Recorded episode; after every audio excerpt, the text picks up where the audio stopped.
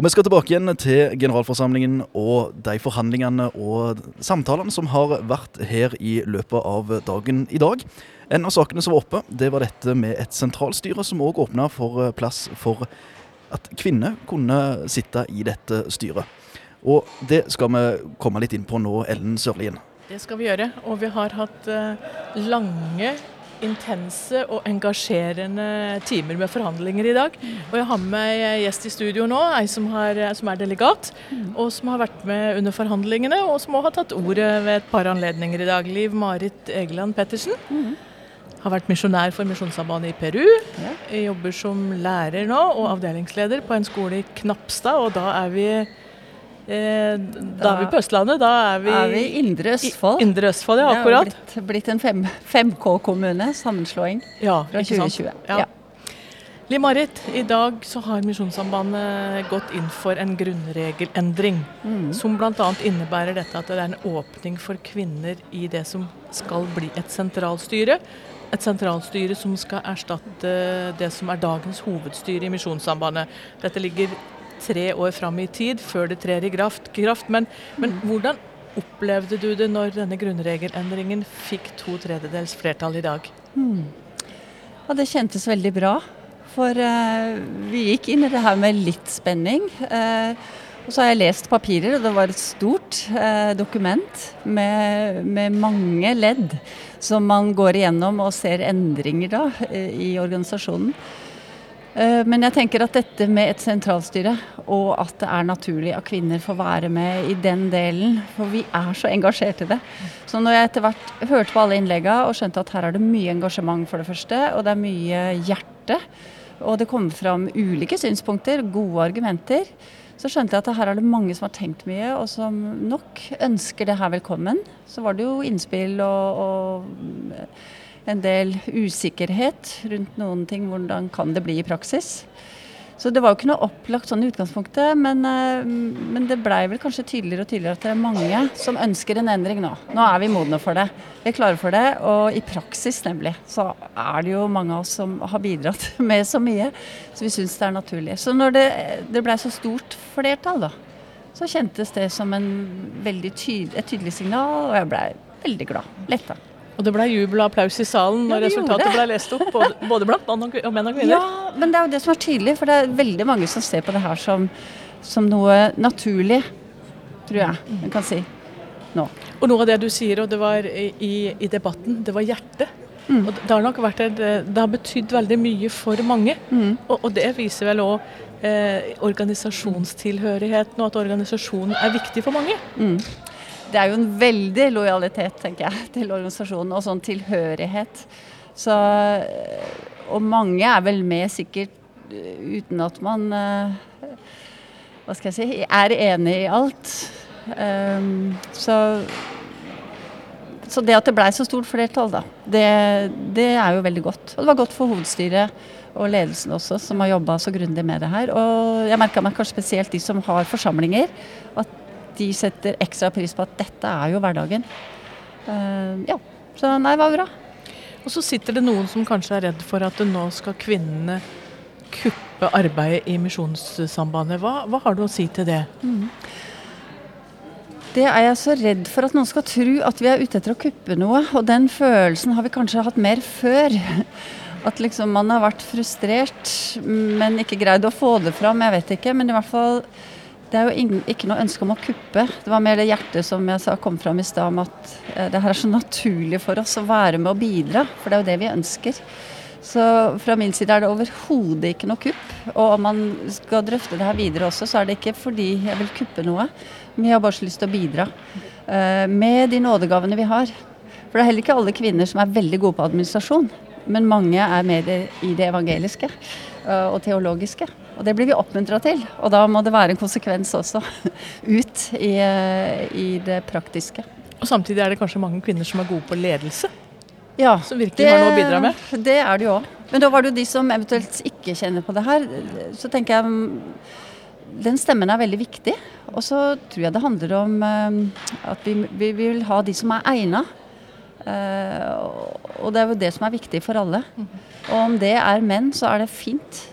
Så jeg, det er jo mitt ønske. At det skal være rom for eh, flere syn, og alle her. Hva betyr dette her for deg personlig, at det nå er en grunnregelendring som åpner opp for et sentralstyre der kvinner kan få plass? Mm, det betyr mye for meg. Fordi jeg ønsker å være engasjert her. Og så er jeg med et sted lokalt. Jeg er styreleder der. Føler at jeg har mye tillit. Blitt oppmuntra veldig til å være styreleder. Eh, vi har ikke noe åndelig lederskap utover det, så vi, vi, tar jo litt vare på det sammen i et styre, og med de som er naturlig eh, åndelige ledere i fellesskapet. Og da, da, betyr det enormt mye å vite at eh, det er naturlig at vi får være med på den plassen der vi er. Eh, og så betyr det veldig mye for de som kommer etter oss. Eh, og det, det syns jeg er et veldig viktig signal, som det ble sagt at uh, dette er en naturlig plass for kvinner å være med. Har du kjent på kroppen sjøl at du har blitt stoppa i tjenesten og ting du gjerne kunne utføre nettopp fordi at du har vært kvinne? Mm. Og er kvinne? Ja, for det meste har jeg vært veldig oppmuntra til å bidra. Og på alle måter, egentlig i forkynnelse og andagsholder og leder på alle plan. Helt fra jeg var liten. Uh, men jeg har nok noen ganger kjent på den frykten for å gjøre noe galt. Og den er vond. Den tror jeg Jeg vet ikke om menn kjenner det. Det er veldig spesielt med den, eh, den tjenestedelinga. At det, er, det, oppleves litt som kanskje et, en begrensning, et forbud. Og det er ikke noe godt. Så frykten for å gjøre noe galt. Men føler du at da den tjenestedelinga begrenser ditt kall? I enkelte tilfeller så, så, kan jeg ha vært redd for at den skulle gjøre noe galt. Og da, da, tror jeg at den har begrensa noe som kanskje kunne ha, ha forløst nye eh, oppgaver. Du er med i Nettverk for kvinner i Misjonssambandet. Eh, hvor viktig har denne saken vært for kvinnene der? Jeg tenker du har hørt mange, mange stemmer. Mm, ja, og Kvinnenettverket vi ønsker å, gi kvinner frimodighet til å vitne om Jesus. Eh, og vi har vært tydelige på at vi har ikke én agenda. Altså vi, eh, der er det kvinner med ulike syn, og det ønsker vi at det skal være rom for. Men i dag har det mange damer som har vært oppe og sagt noe. Unge jenter også. Og nettopp det da, er jo kanskje noe av det vi ønsker å se mer av. For eh, vi ser at det er så mange som har lyst til å bidra, og det er gode innspill. Jeg tror sammen utfyller vi hverandre òg. Og så er det kanskje også viktig å understreke at eh, de som ikke ønska eh, grunnregelendring, både av kvinner og menn, at det fortsatt må være plass til begge parter mm. i, i, organisasjonen. Mm. Ja, det er veldig viktig. Og det kan hende vi må snakke, greie å snakke mer sammen åpent om hvordan vi ser på det. Og hvordan vi skal respektere ulike syn. Og det, det tar vi vel med oss fra DGF her. At vi ønsker åpenhet og, og snakke sammen. Kjønnsdynamikk i ledergrupper styrker samarbeidet og kompetansen, ble det sagt i et av debattinnleggene. og Det er vel kanskje noe av det du sier her òg? Ja, det tror jeg vi erfarer. Og vi er jo mennesker, og der vi også inn i det åndelige lederskapet, så tar vi jo med oss personligheter og egnethet og egenskaper. Så i tillegg til Guds utrustning, så, så tenker jeg det er jo en viktig del av det. Helt til slutt, Marit Pettersen, hva tror du dette vil eh, bety å ha å si for Misjonssambandet i tida framover? Jeg tror det mest spennende med det, det er at uh, veien er ikke Altså nå er det en litt sånn ny ting som skjer, og noen sa kanskje tida for å liksom Dette blir en fornyelse som kan gi noe nytt og inspirasjon. Det var et godt poeng, syns jeg. Uh, og kanskje det er nettopp det, for nå må vi gå opp veien litt sammen. Dette er ingen som eh, veit helt hvordan det blir, men det må vi gå opp sammen. da. Så hvis vi kan våge å, å, gjøre det på en litt sånn åpen måte, så tror jeg det kan bli veldig spennende og fornyende. Da kan det bli spennende å gå den veien sammen, mm. både menn og kvinner. Mm. Liv Marit Pettersen, tusen takk for at du stilte i studio. Og lykke til med tjenesten din videre. Tusen takk. Og på den andre sida av bordet så er det òg de som nok skulle ønske at dagens ordning ble stående videre framover. Vi skal snakke litt med ei som eh, var på den sida under Norsk-Luthersk Misjonssambands generalforsamling, Inge Kalstad. Ja, for det var mange som tok ordet i denne debatten rundt grunnregelendringer som åpner opp for at kvinner kan velges inn i sentralstyret i Misjonssambandet, og det skal opprettes et nasjonalt tilsynsråd bestående av menn. Eh, ikke alle var for det. Eh, Åshild Sørhus eh, fra Trøndelag hun har bakgrunn som misjonær. Hun er forkynner i Misjonssambandet. Og eh, du var imot å gå inn for den nye ordninga. Hvordan reagerer du nå, når det ble gjennomslag for det? Nei, man liker jo å få gjennomslag for det man står for. Så jeg skulle gjerne sett at det ikke ble to tredjedels flertall. Eh, men sånn er det. Jeg sa nå det jeg mente, og så ja, ble det sånn. Hva er grunnen til at du ikke kunne gå inn for at eh, kvinner skulle sitte i et sentralstyre i Misjonssambandet? Jeg kjenner på at eh, jeg som kvinne har fått oppleve et misjonssamband, et NLM, som virkelig verdsetter kvinner som eh, gir oss utrolig stort spillerom, der vi får eh, bidra med alt vi har av ressurser, nådegaver, kompetanse.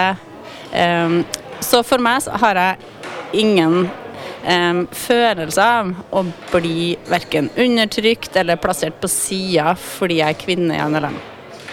Uh, og så har jeg et, jeg har et veldig tydelig teologisk standpunkt. Altså, jeg mener Gud har skapt oss som menn og kvinner forskjellig, og i det så har Gud lagt noe eh, som hører til en hyrdefunksjon, som da han vil at mannen skal gjøre. Um, og det tenker jeg det, hvis Gud tenker å skapt folk sånn, så fint. Det tror jeg er det, Jeg kjenner meg trygg eh, som forkynner i en organisasjon som har en tydelig hyrdefunksjon. En hyrde som, som tar vare på. Ikke som hersker, men som tar vare på. Uh, og det hadde jeg ønska da. NLM kunne ha ivaretatt bedre om de ikke vedtok det de gjorde i dag. Du har vært misjonær i Mongolia. Eh, du er forkynner i Misjonssambandet. Får du noen reaksjoner når du møter folk rundt forbi på at eh, Misjonssambandet har hatt eh, denne ordninga med menn i hovedstyret? Ja, rundt forbi, altså. jeg møtte noen mann på fly en gang som syntes det var fascinerende at jeg som dame ville ha jobb i NLM, siden det ikke var damer i hovedstyret. Eh, jeg opplever at det har vært veldig fint å fortjene en av dem. Og, eh, og, i Mongolia så Nei, det var ikke noe Det er ikke noe sånn Altså, jeg er mest opptatt av å nå mennesker for Jesus. Ja. Jeg kjenner på Jeg har en, på en, måte, en evangelistnådegave. Så, så dette her er egentlig en veldig bisak for meg. Men jeg ønsker bare å fortjene. Jeg ønsker at vi skal få være trygge som kristne og få gjøre det vi er best på. Og da tenker jeg Guds eh, ordning med tjenestedeling, som er kanskje det står om i Bibelen, tror jeg er genial. Ja, det sa Åshild Sørhus, misjonær og forkynner i Norsk Luthersk Misjonssamband. Vi skal snakke mer om denne saka med kvinner i sentralstyret i Misjonssambandet. Det er en del av et eh, større dokument som jeg har i hånda her, mange sider, som heter 'Menighetstenkning og organisasjonsstruktur i Norsk Luthersk Misjonssamband'. En av de som var med å utarbeide dette dokumentet, som ble vedtatt på generalforsamlinga i dag, han heter Kåre Johan Lid. Han er til daglig leder for Misjonssambandet sitt arbeid i Norge. Og Du har hatt med deg ei gruppe og jobba med dette dokumentet over lang tid, forstår jeg, Kåre Johan Lid. Dette med at kvinner nå blir valgt inn i et sentralstyre, det blir opprettet et nasjonalt tilsynsråd, det er bare en bit av dette dokumentet her. Ja, for, eh, for hovedinngangs tanken og behovet som gjorde at dette arbeidet var starta, var jo at eh, Misjonssambandet er i endring. Vi var en foreningsbevegelse og har i dag eh, nær 80 forsamlinger som har et, et, et helt pastoralt ansvar for uh, sine medlemmer fra, fra, fra fødsel sagt, til, til livets slutt. Og, og, i den sammenhengen så har rådsmøtene vært bedt om at det blir gjort tydelig hvordan åndelig tilsyn og omsorg skal skje i organisasjonen. Det er hovedsaken i dette dokumentet, og tanken med det. Og Det ble satt ned en arbeidsgruppe som arbeider med det, og der er en bibelteologisk gjennomgang som har fått veldig brei og god mottakelse i organisasjonen så å si helt enstemmig på alle. Både i hovedstyret og i to rådsmøter så har det vært gitt bifall til av mange. Helt nødvendig arbeid. Og så er det hvordan skal det synet på åndelig tilsyn og omsorg settes ut i livet i en eh, misjonsorganisasjon som har menighet i dag. Og det er det dette med struktur går på. Hvordan og hvem skal ha det ansvaret, og hvordan skal det utøves. Og, så, ja. i, den, i, det arbeidet så, så har jo Misjonssambandet en, en teologi som vi internt kaller tjenestedeling, men det er jo at uh, hyrde- og tilsynsansvar er tillagt egna menn som har tillit. Så vi kom jo fort bort i den tematikken, og, og da, da, er det jo slik at uh, den teologien også åpner for at det er ingenting i veien for at kvinner kan være med i ledelse og styre og stell uh, overalt i misjonen, som de i dag er på mange nivå, men ikke i hovedstyret. Men Lang, så, langt svar. men så er noen som har innvending til dette her. Da. De er skeptiske til den nye modellen med et sånt tilsynsråd på toppen, og så et sentralstyre bestående av kvinner og menn. Også tilsynsrådet som da består kun av menn. Eh, og at det blir vanskelig å finne grenser på hva er ansvaret til tilsynsrådet, og hva er sentralstyrets ansvar. Det åndelige læreansvaret glir litt over i hverandre. Hva har du å si til det? Ja, Da kan jeg si det jeg sa inn i salen under forhandlingene. Når Misjonssambandet ga kvinnene stemmerett på sitt øverste organ, generalforsamlingen, og plasserte åndelig tilsyn i det som blir kalla rådsmøte, så har vi i prinsippet sagt at det går an å skjelne mellom det. Og det står i vår teologiske dokument at det er ikke uten videre enkelt, men det er betydelige forskjeller. Og så, så må vi altså rett og slett erkjenne at grunnreglene og det arbeidet som er gjort, det er ikke helt ned på detaljnivå. Og som i dag så må vi ha instrukser og retningslinjer som tydeliggjør de enkelte organene sine, sitt ansvar, og der de har avgjørende myndighet. Så vi har ikke sett til sides vår te teologi om tjenestedeling. Hvorfor er denne eh, teologien om tjenestedeling, dette at eh, menn har et sånn overordna hyrde- og læreansvar, det er altså forskjell på, på ulike tjenester for kvinner og menn ligger i det. Hvorfor er det viktig? Det er ikke så mange som, som lærer akkurat det samme som Misjonssambandet her? Ja, det er jo faktisk ganske mange, men kanskje stadig færre. Og det er veldig motstrøms. Men det er jo fordi at vi leser i Bibelen en del av begrunnelsen for dette er forankra i skapelsen. Vi er skapt ulike. Og så er det flere tekst, tekster i Bibelen som omhandler det. Og slik vi har arbeidet med disse tekstene i Misjonssambandet, så er det et særskilt hyrde- og tilsynsansvar. Så det er, det er, det elementet som består av både lærevern og åndelig omsorg, som eh, det er det det består av. Og, og, og, det er på en måte det som skal ligge i disse organene, og ivareta det. Og, og i Misjonssambandet har det vært tidligere sparka veldig oppover i organisasjonen, til hovedstyret, til rådsmøte og til enkelte stillinger. Og det sa dette dokumentet en dårlig praksis, fordi åndelig omsorg må jo skje Det er mennesket det handler om. Det er jo ikke saker. Så det er ikke saksbehandling som er saken, men det er rett og slett å ha åndelig omsorg for mennesker i, i livet deres.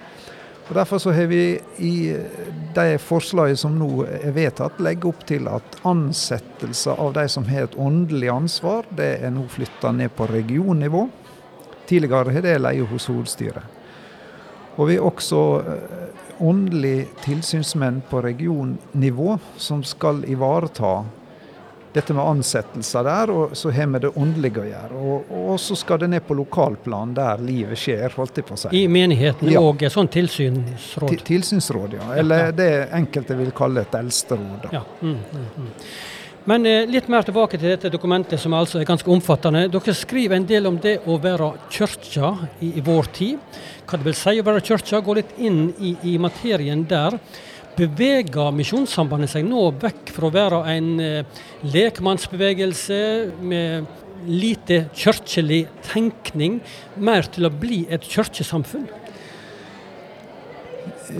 Ja, begrepene forvirrer oss litt her, men jeg tenker at, at uh, lekmannsarven er veldig ivaretatt. For de som skal ha avgjørende myndighet og sitte i disse rådene i denne nye strukturen, de er valgt av folket. Lokalt eh, og regionalt der de er. Så det er ivaretatt. Og noen eh, Det er stor forskjell på et, et tverr, tverrorganisatorisk bedehusfellesskap der, der vi arrangerer bare møter, til en menighet som har et helt pastoralt ansvar. Og det er noe av kjerna i det som, som, som, viser oss at her er behov for noe mer. Og Misjonssambandet har ikke noen ønske om å gå i en høgkirkelig retning der det skal være folk og personer med embete som skal gjøre alt. Tvert imot. Vi trenger hver enkelt eh, som vil følge Jesus, til å, å, være med og gjøre sin tjeneste i våre forsamlinger. Så kirkelig Altså teologisk så er vi jo et, et kirkesamfunn. Men vi har ikke likt å kalle oss det. Vi, lik, vi vil være en misjonsorganisasjon. Eh, så, så vi er jo en slags hybrid, da. Og så begrepet pastor til DMS, som er begynt å komme inn i misjonssambandsforsamlinga nå senere tid. Det skriver dere positivt om, at de som har et, et hyrdeansvar, læreransvar, de kan kalle seg pastorer. Ja, og pastor betyr jo hyrde. Og Derfor så ønsker vi å forbeholde den tittelen til de som er, er pastor i en forsamling. Og det har vi blitt tatt i bruk nedenfra, det er ikke vedtatt så har vi dilta litt etter utviklinga i lokalt arbeid, egentlig.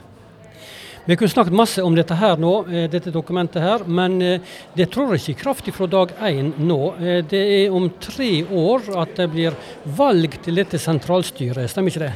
Ja, det er jo fordi at denne generalforsamlinga vi nå er på, den blir jo gjennomført etter gamle, eller nå, unnskyld, nåværende grunnregler. Og så, så, må jo neste generalforsamling forberedes etter de som nå er vedtatt. Eh, og så må vi ha en implementeringsplan, for dette gjelder jo på alle nivå i organisasjonen. Så vi må jo vi har anledning å utarbeide lover og sånt som kan takes i bruk lokalt. Eh, normallov, som vi kaller det internt. Og så regionene kan innføre dette i løpet av denne generalforsamlingsperioden. For nå er det tre år til neste generalforsamling. Sånn at neste generalforsamling blir da forberedt etter de nye eh, grunnreglene, der det blir eh, skaffa kandidater til sentralstyret. Og så må vi få i drift et rådsmøte som er kraftig nedskalert. Det består jo av disse tilsynsmennene på regionalt nivå. Det har tidligere vært et møte på 60-80 personer som møtes en gang hvert tredje år. Og En av de viktige momentene i, i, dette dokumentet er at de som nå har denne tjenesten på regionnivå, og står i den, og står i saker, de skal nå møtes til rådsmøte. Så det, det består nå av kun 21 personer. Det, det blir årlig det, da? kanskje? Ja, det, det blir et ja. årlig møte. Ja. Og jeg har på en måte den øverste myndigheten på tilsyn eh, når det gjelder eh, dokument og retningslinjer i vårt eh, åndelige arbeid. Før du går, Korali, er du sikker på at dette nå er rette veien til Misjonssambandet for å møte dagens Norge med det kristne budskapet? Jeg tror struktur ikke kan hjelpe oss til åndelig liv og vitnetjeneste. Den er en ramme og den ramma må vi tilpasse, og den vil aldri bli perfekt. Men den, vi må endre på den i, for å ivareta det misjonssambandet vi har i dag, og ikke det vi hadde i går. Og så vil det helt sikkert bli slik at vi, får, vi, får, vi må ta nye endringer. For vi kjenner ikke framtida. Eh, men, men, vi må være Dette med strukturen er ikke eh, er ikke, er ikke Bibelen, eller det, det, er ikke fundamentalt, men det er ei, ei ordning som vi skal prøve å legge til rette nærest mulig det Bibelen beskriver i den situasjonen vi er i.